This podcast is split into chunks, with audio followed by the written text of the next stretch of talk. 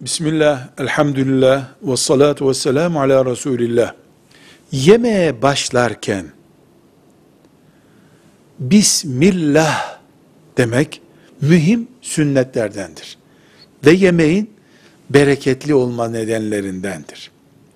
O kadar ki, yemeğin ortasında veya son bir iki lokmada bile hatırlanıyor olsa, yine tekrar edilmelidir Allah'ın adı. Ama bu sefer, Bismillahi evvelehu ve ahirehu.